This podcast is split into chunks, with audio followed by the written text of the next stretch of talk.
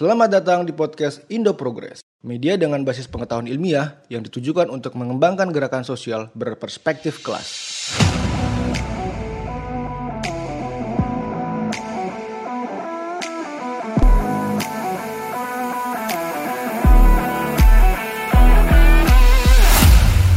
Tiap terjadi bencana, banyak narasi yang menyatakan bahwa bencana tersebut merupakan teguran dari Tuhan atas perilaku maksiat yang kita lakukan.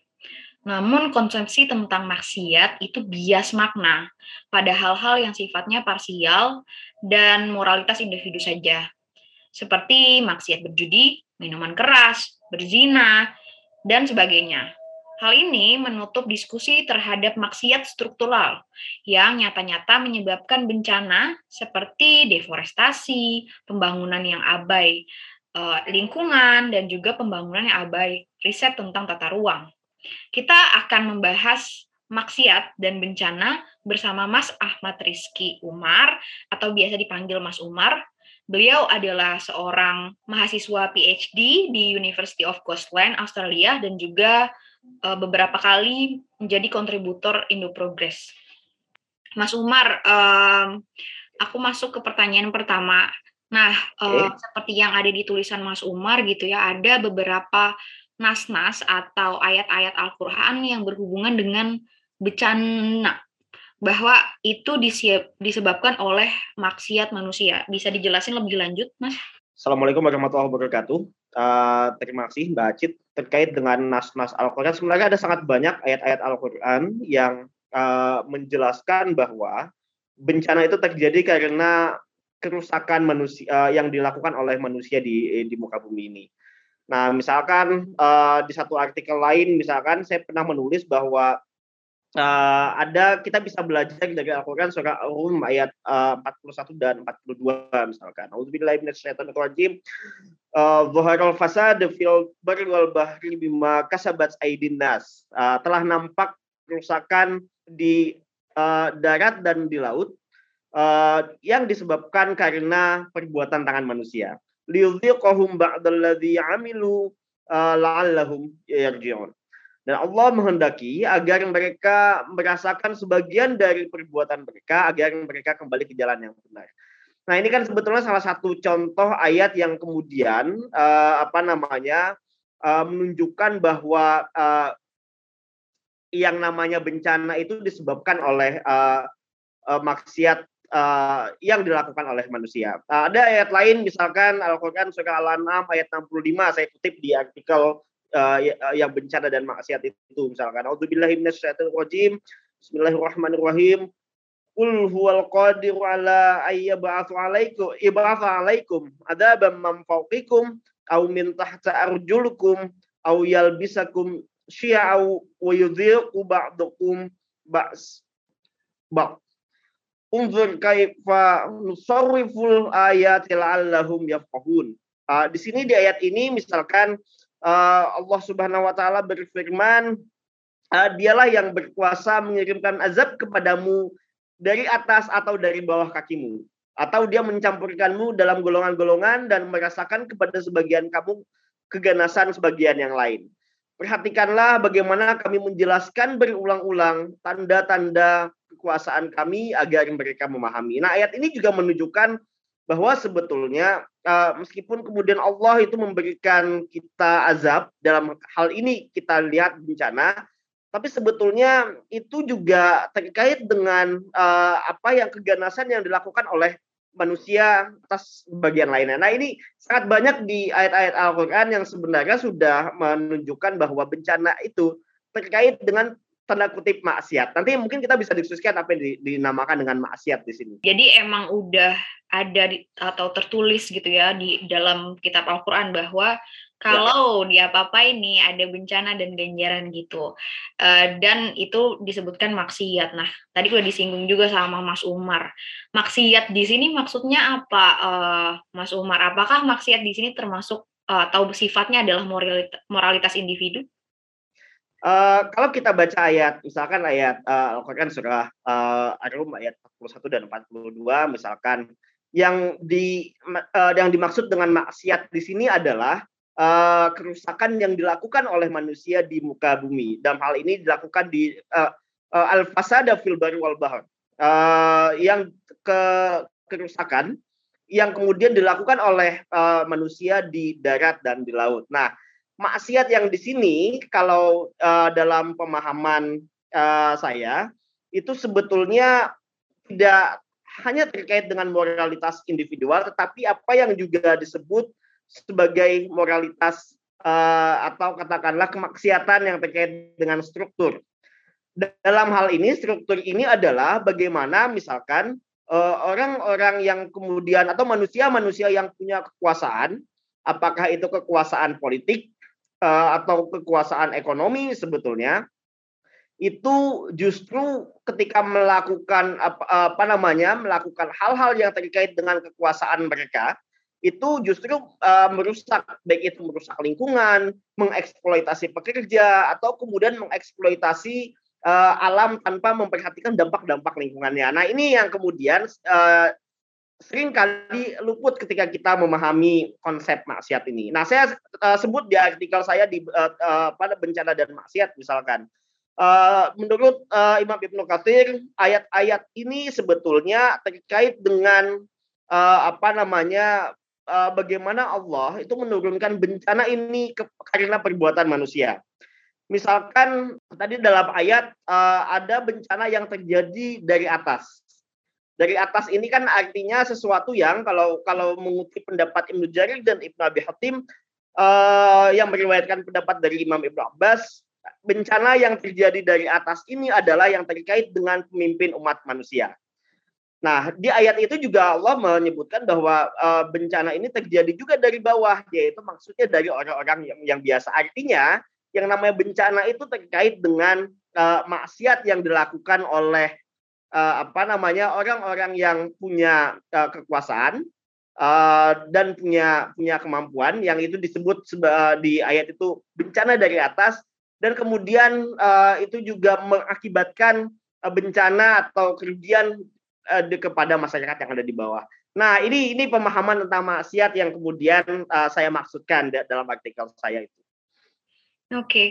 um, di akhir-akhir ini gitu ya banyak juga yang aku dengar di media uh, atau bahkan di sosial media gitu ada gempa atau ada banjir itu ada tanah longsor itu disebabkan oleh misalnya uh, keberadaan uh, teman-teman LGBT atau ragam seksual minoritas. Tapi sebenarnya nggak semata-mata begitu gitu ya Mas Umar ya kalau menurut perspektif Mas Umar justru ada aktivitas-aktivitas struktural yang justru merugikan gitu ya eksploitatif dan lain-lain.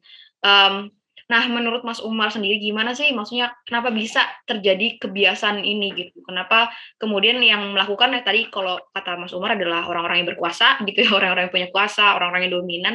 Tapi kita publik tuh seakan-akan terhipnotis dengan uh, narasi itu. Ya, uh, kalau soal uh, apa namanya pembiasaan konsepsi maksiat ini mungkin dalam banyak hal saya melihat ada dua. Uh, yang pertama adalah ini kita melihat moralitas itu sekedar sebagai moralitas uh, yang sifatnya individual. Jadi uh, moralitas yang sifatnya individual ini artinya uh, kita melihat bahwa ajaran Islam itu hanya untuk uh, individu, uh, untuk uh, untuk uh, manusia orang per orang. Ini tentu mungkin benar karena uh, apa namanya Al-Qur'an uh, Islam itu diturunkan ke muka bumi ini uh, sebetulnya dengan tujuan untuk kemudian uh, sebagai individu kita bisa mempunyai uh, jalan yang kemudian uh, benar, jalan yang terang. Namun uh, ini mengabaikan satu uh, apa namanya fakta lain bahwa dalam banyak hal uh, nama yang namanya bencana itu uh, tidak terjadi karena aktivitas individual saja, tetapi juga dalam banyak hal itu terjadi secara kolektif atau secara uh, beramai-ramai. Saya satu contoh uh, misalkan yang bisa kita lihat adalah dalam kasus misalkan banjir misalkan. Kalau dalam studi kebencanaan, kebetulan saya juga uh, meneliti uh, bencana beberapa tahun belakangan. Uh, yang namanya banjir itu terjadi karena uh, apa namanya perencanaan yang tidak memperhatikan dampak-dampak uh, lingkungan uh, dan kemudian mengakibatkan ketika terjadi uh, misalkan hujan misalkan atau terjadi misalkan perubahan cuaca yang terjadi adalah resapan-resapan uh, daerah dan resapan air itu uh, apa namanya uh, tidak lagi bisa menampung air sehingga kemudian meluap. Nah, ini kan tidak pernah kita bicarakan ketika uh, bicara tentang uh, maksiat uh, di di dalam konteks kebencanaan. Nah, ini terjadi bisa jadi uh, ini argumen saya yang kedua adalah ini bisa jadi terjadi karena kita pemahaman keagamaan kita itu tidak melihat dampak yang real di lapangan. Uh, bisa jadi karena juga pemahaman kita tentang agama itu terbatas hanya soal moralitas yang sempat individual tadi. Jadi kita tidak melihat uh, masalah uh, apa namanya bencana alam itu sebagai proses kompleks interaksi antara uh, apa namanya lingkungan alam dengan proses manusia. Dan ini bisa jadi dalam beberapa hal karena juga dalam banyak hal proses-proses pembangunan misalkan itu punya kepentingan uh, di di apa namanya dibikin dengan kepentingan pemimpin-pemimpin uh, tertentu misalkan orang-orang yang sifatnya tidak amanah yang kemudian uh, sering kali ini tidak diketahui oleh publik bisa jadi karena mereka juga mengemasnya dengan uh, dengan agama. Nah ini pemahaman tentang keagamaan yang sifatnya uh, apa namanya mungkin kita uh, lihat setengah-tengah setengah-setengah hanya uh, mencakup masalah uh, apa namanya moralitas individual tanpa memperhatikan apa yang terjadi di masyarakat dampaknya yang lebih luas. Nah, saya kira saya kira seperti itu Mbak Acit. Nah, uh, Mas Umar, aku juga penasaran nih, mungkin juga um, sekalian apa ya merespon asumsi publik gitu ya tentang atau asumsi masyarakat yang kebanyakan tentang moralitas individu. Nah, terus bagaimana kemudian menjawab misalnya bencana yang terjadi di negara-negara yang mayoritas bukan Islam gitu? Uh, nah, ini menarik sebetulnya. Kalau kita lihat apakah bencana di negara-negara yang non Islam itu juga tidak ada bencana. Saya kira juga tidak juga karena dalam banyak hal misalkan katakanlah saya sekarang berada di Australia misalkan untuk studi.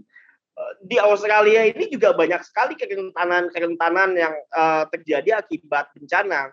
Uh, dua tahun yang lalu ada bencana akibat misalkan uh, kebakaran lahan atau, atau kebakaran semak bushfire sebenarnya di sini. Nah, uh, bencana kebakaran semak di Australia itu juga me, apa namanya memakan korban, memakan lahan juga kan banyak orang-orang yang kemudian kehilangan tempat tinggal. Nah ini juga terjadi bencana dan dan alasannya itu bukan terjadi karena uh, moralitas orang-orang misalkan orang-orang di Australia itu kemudian sering uh, apa namanya mungkin dia non Muslim dia sering uh, mabuk-mabukan ternyata juga punya dampak uh, lingkungan yang tidak jauh beda dengan apa yang terjadi di Indonesia dan ini bukan terjadi karena moralitas individual mereka. Oh ternyata uh, kalau kita tanya pendapat ahli-ahli uh, uh, lingkungan, ahli-ahli perubahan iklim, atau ahli uh, apa namanya soal lahan di Australia. Oh ini terjadi bisa jadi karena dalam banyak hal Australia negara yang sangat uh, bergantung dengan pertambangan sehingga kemudian terjadi perubahan lingkungan akibat uh, izin usaha pertambangan di Australia yang yang uh, diberikan uh, apa namanya uh, secara membabi buta. Nah ini juga dalam banyak hal dikritik juga oleh oleh tidak hanya oleh uh, komunitas uh, apa namanya masyarakat Australia, tapi juga komunitas Muslim Australia juga mengkritik itu. Nah, yang terjadi kalau kita ini kembali ke uh, ke pemahaman kita soal maksiat struktural, maksiat struktural ini terjadi bisa jadi secara universal ini terjadi ketika uh, pembangunan uh, yang dilakukan oleh manusia itu tidak tidak apa namanya mengindahkan dampak-dampak lingkungan yang ada. Nah, sehingga yang kemudian terjadi baik di Indonesia maupun di Australia itu sebetulnya sama, yaitu terjadi kerusakan di muka bumi uh, yang dilakukan oleh akibat perbuatan tangan manusia. Dan ini sebenarnya sudah diwanti-wanti oleh uh, Allah uh, dalam Al-Quran surah ayat 41 dan 42 tadi. Nah seperti itu sehingga kemudian ya ini tidak terkait dengan apa namanya bencana yang terjadi di, entah di negara non Islam dengan negara yang muslim, kalau ada kerentanan akibat bencana alam, konsekuensi logisnya adalah bisa terjadi bencana jika tidak dimitigasi dan jika tidak uh, apa namanya kita tidak mengantisipasi mengantisipasinya dengan perencanaan yang tepat. Saya kira seperti itu. Oke.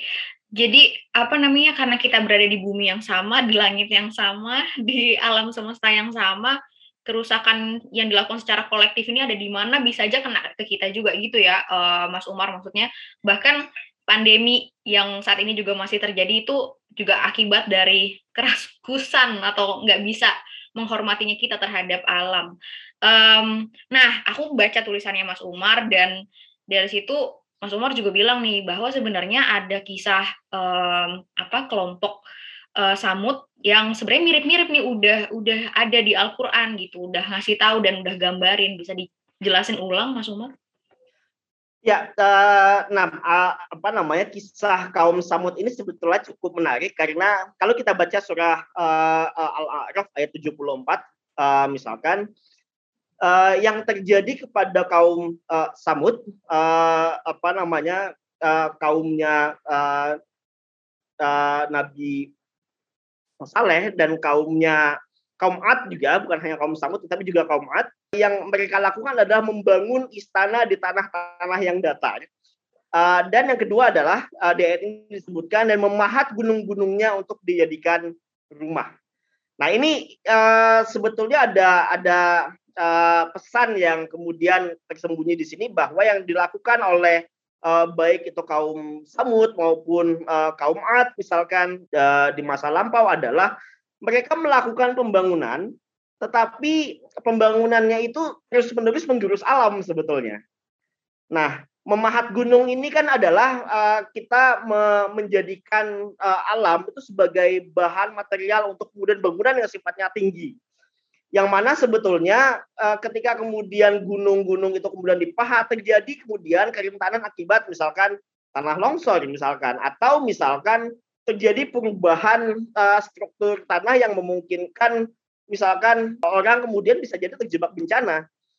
Nah, sehingga kemudian uh, ketika kemudian terjadi bencana gempa bumi yang terjadi adalah tidak ada pelindung untuk kemudian bagi masyarakatnya untuk kemudian uh, bisa menyelamatkan diri. Ini juga salah satu bagian di mana kemudian ada potensi bencana yang kemudian di, dialami juga oleh uh, masyarakat uh, apa kaum Samud dan kaum Ad di masa lampau. Uh, tetapi juga yang kemudian dilakukan oleh masyarakat uh, di kaum Samud dan Ad adalah mereka terus-menerus membangun Nah, diturunkan uh, oleh Allah Nabi untuk kemudian me mengingatkan mereka dan mereka juga tidak sadar ya kemudian akhirnya mereka uh, apa terjebak bencana. Ayat-ayat ini uh, sering kali uh, cerita bukan bukan bukan hanya ayat, cerita tentang kaum uh, Samud dan kaum Ad misalkan itu uh, sering kali dipahami sebatas sebagai uh, moralitas individual Padahal sebenarnya yang mereka lakukan uh, dan ini juga pesan dalam Al-Qur'an itu juga soal bagaimana kita melakukan pembangunan. Nah, ini yang kemudian uh, apa namanya tidak banyak kita ulas karena mungkin bisa jadi ketika kita mungkin khatib Jumat bicara tentang pembangunan di uh, apa namanya di di mimbar Jumat mungkin salah satu jamaahnya adalah elit-elit pemerintah misalkan. Nah, mungkin juga dalam banyak hal ini juga membuat penafsiran-penafsiran ini tidak tersampaikan di di mimbar-mimbar Jumat. Nah, sehingga ini yang terjadi adalah uh, pemahaman tentang maksiat ini sering kali ya hanya dipahami sebatas sebagai moralitas individual, padahal sebenarnya ada dimensi lain dalam ayat itu yang kemudian tidak banyak terungkap di di depan publik. Seperti itu. Oke, jadi sebenarnya kisah eh, kisah uh, kaum Samud itu masih relevan hingga sekarang gitu ya di tengah agenda infrastruktur di mana-mana. Um, tapi aku penasaran jadinya Mas Umar, um, kalau gitu berarti kan udah tersirat sih sebenarnya dari apa jawaban-jawaban Mas Umar bahwa um, ulama atau apa ya ahli-ahli kita punya peran yang sangat penting gitu. Um, untuk merekonstruksi apa itu maksiat misalnya dan di tengah apalagi di tengah bombardir narasi yang tadi uh, Mas Umar juga udah bilang gitu ya dikemas dengan agama sehingga kita terhipnotis. Um, dan juga um, apa ilmuwan gitu. Nah, gimana nih Mas Umar menanggapi ini? Gimana uh, menyeimbangkannya atau titik temunya gimana?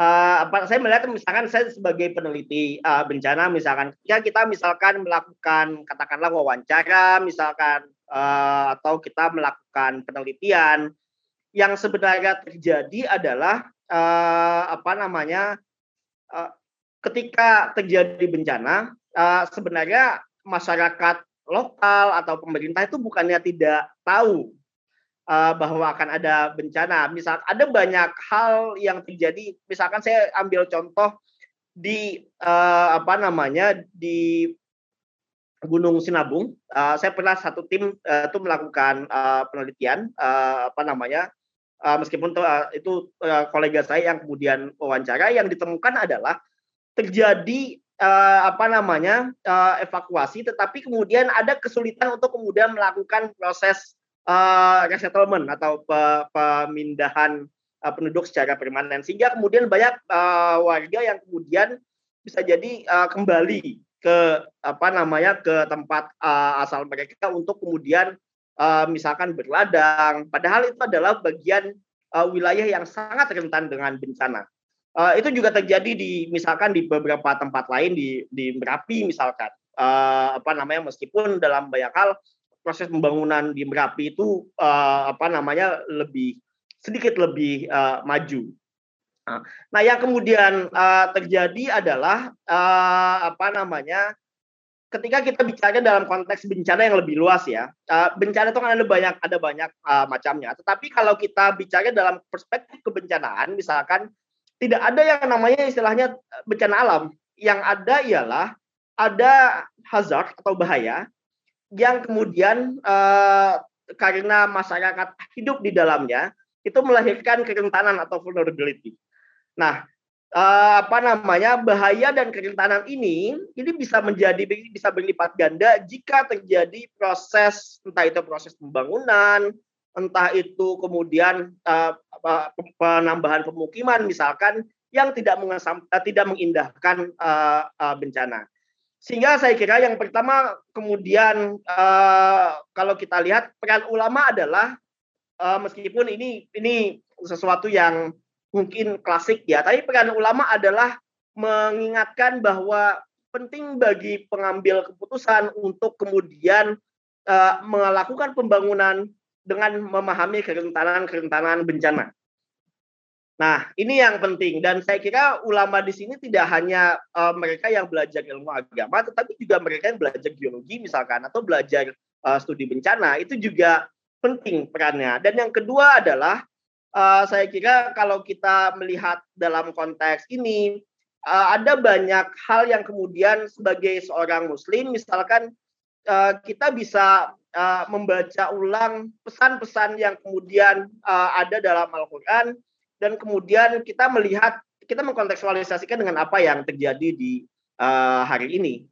Nah, ini saya kira penting menjadi penting bahwa uh, apa namanya ketika kita membaca Al-Qur'an kita tidak hanya membaca ayat-ayat yang sifatnya uh, membaca secara kauliah atau membaca ayat-ayat uh, kata per kata tetapi juga melihat tanda-tanda kebesaran Allah uh, yang terjadi di muka bumi. Itu ayat-ayat yang sifatnya kauniyah. Nah, sehingga kemudian uh, sebagai seorang muslim kita juga dituntut untuk punya pengetahuan bukan hanya pengetahuan keagamaan tapi juga pemahaman tentang masyarakat dan alam. Saya kira ini yang menjadi uh, refleksi kita uh, bersama. Mas Umar, menurut observasi Mas Umar nih, seberapa ya. optimis ya. um, apa ya ada ulama-ulama yang kemudian punya perspektif yang progresif dan juga merasa bahwa ini penting gitu untuk mendekonstruksikan ataupun uh, ngasih saran lah gitu ya ke pemerintah atau juga mengedukasi publik. Menurut Mas Umar, seberapa optimis Mas Umar?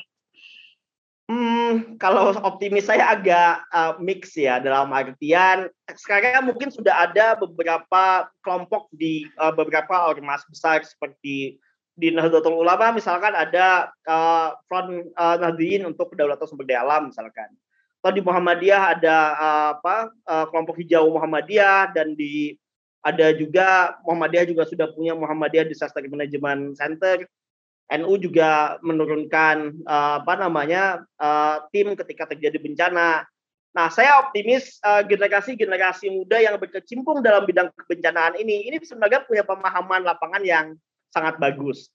Hanya saja, kadang-kadang ketika kita bicara misalkan dalam konteks pemahaman yang diberikan oleh mubalik-mubalik kita, pemahaman uh, yang ada itu tidak terkait langsung dengan apa yang terjadi di lapangan. Artinya ada semacam gap antara mereka yang berada di lapangan tahu realitas, memahami kondisi di masyarakat dan kondisi alam, uh, para peneliti misalkan, dan kemudian para ulama. Nah, ini saya kira akan sangat terkait dengan pemahaman uh, keagamaan kita. Mungkin ya dalam waktu dekat saya tidak tahu apakah uh, generasi uh, apa para mubalik kita atau orang-orang apa namanya ulama-ulama kita itu bisa punya pemahaman yang uh, komprehensif terhadap masalah kebencanaan, lingkungan dan dan alam.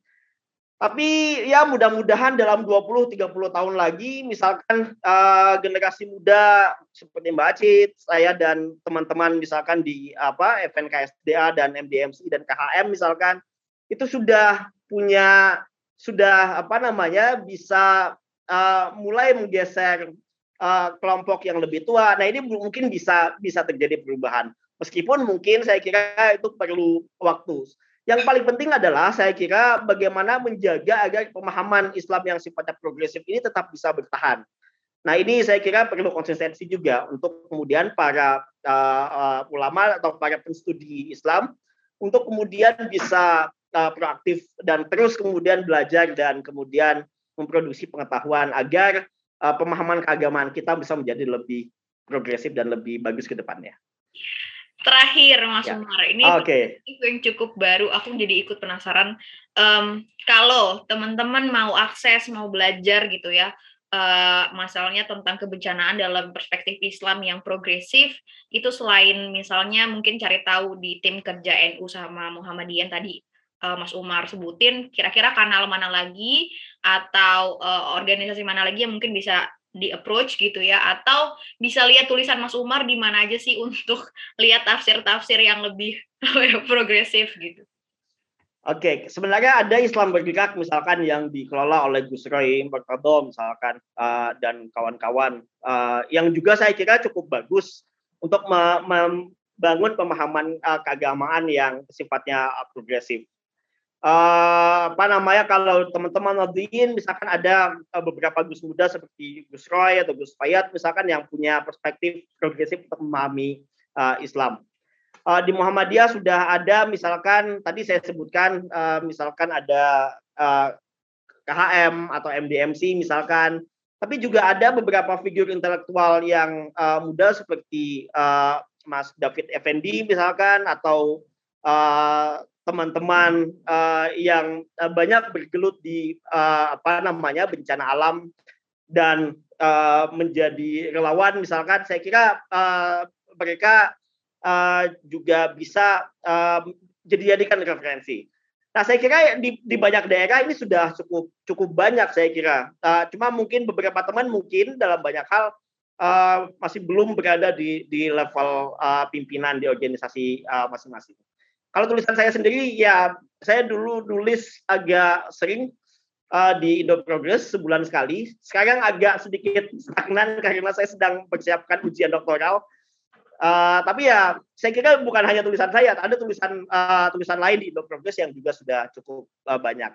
Misalkan dalam perspektif yang feminis, misalkan ada tulisan uh, dari Mbak Kalis Mardiasi atau dari uh, Mbak Laili Fitri misalkan yang juga memberikan kita perspektif uh, Islam yang perspektif gendernya kuat. Nah ini kan juga bisa jadi referensi untuk memahami Islam secara progresif. Gitu oh. Mbak Acit. Sip, kalau gitu uh, udah 30 menit lewat. Makasih okay. banyak Mas Umar atas waktunya. Ditunggu tulisannya. Semoga okay. tutorialnya lancar. Amin. Ya. Terima kasih kepada Mas Umar yang telah meluangkan waktunya. Demikianlah wawancara Indo Progress TV kali ini. Saya Astrid Permata, sampai berjumpa lagi di lain kesempatan. Salam.